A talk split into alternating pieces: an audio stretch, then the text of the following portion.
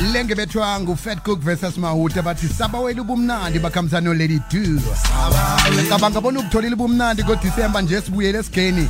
Yoke into ibuyela ngendlela ebevele ngakhona buyele esikolweni buyele emsebenzini buyele ekhasileni nasi indaba ke lapho ikhona. Inkhandelambeleko zobujamo obuhabekileko eh zingakhandela ukuzithwala ukufinyelela izingeni elingu-95 percent. Lokha eh nazithathwa ngaphasi kwamalanga amahlanu wesehlakalo somseme eh inkhandelambaleko lezi zobujamo obuhabekileko zingasetshenziswa ebujameni lobu obulandelako. Umseme ungakavikeleki one eh ukuthwenyeka ngokubhalelwa kusebenzisa isikhandela imbeleko two uh ukungasebenzisi isikhandela imbeleko ngendlela efaneleko. 3 kunye ke eh, nokuhlukunyezwa namjani ukukhahlunyezwa ngokomseme ngaphandle kwesikhandela imbeleko. 4 nena ke ngubuphi ke umuntu wengubo namkha umntazana osele ke asezingeni lokuthi angazithwala? Kungenzeka bona ke axhoge isikhandela imbeleko sobujamo obuhabekileko eh, ukubalekela ukuzithwala okungakahlelelwa. Awukho ke umthelela umumbi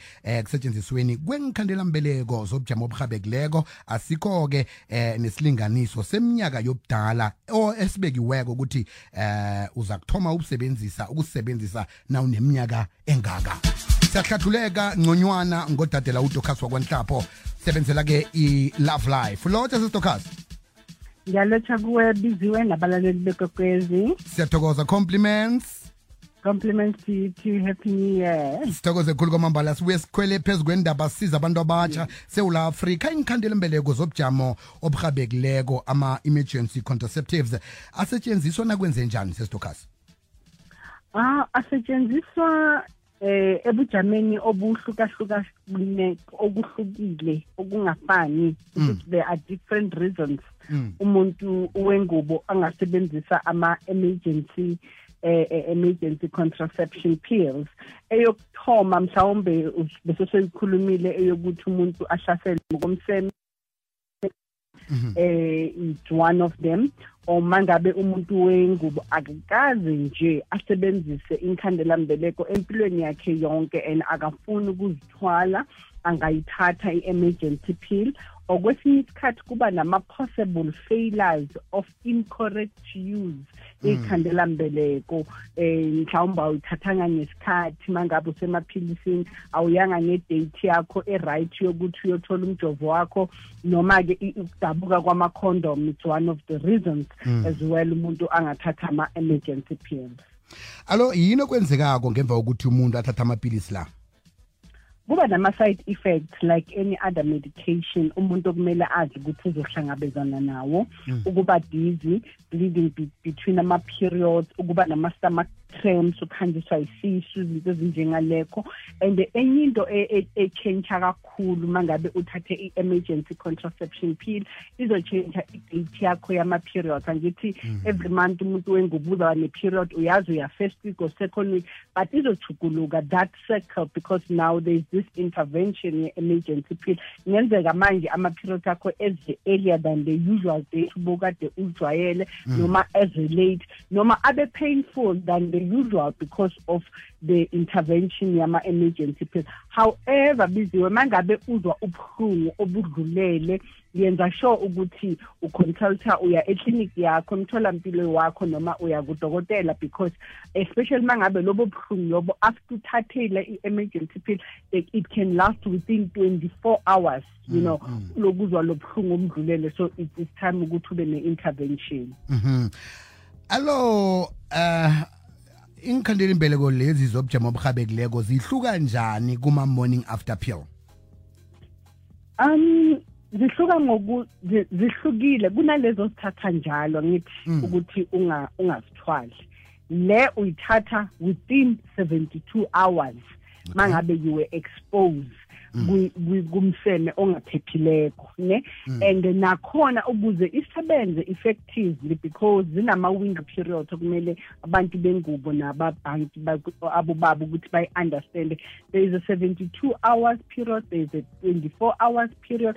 So kuqakatheke kukhulu ukuthi mangabe uyozithenga lama-emergency pills you need to know ukuthi you have to take it within 72 hours or immediately as soon mm. as possible because akusama 100 percent prevention intervention you know ama percentage wakhona baye bafake 75 to 85 percent. Whereas lo oyithatha njalo uyavikeleka kangconywana ukundlula lo ozoyithatha ngaleso sikhathi leso eh mangabe ube exposed. Ama after effects uh, afana kangangani nalawe prep ke sakhuluma ngayo ngaphambilini le umuntu akhona ukuthi ayithathe ukuthi angatheleleki eh ngengogwana ye HIV A- angeke ngize ngithi ayafana noma ngithi awafani but wonke umuntu kumele understand ukuthi mangabe uzothatha amaphilisi noma i-treatment thizeni as, a, as an intervention inama side effects wawo.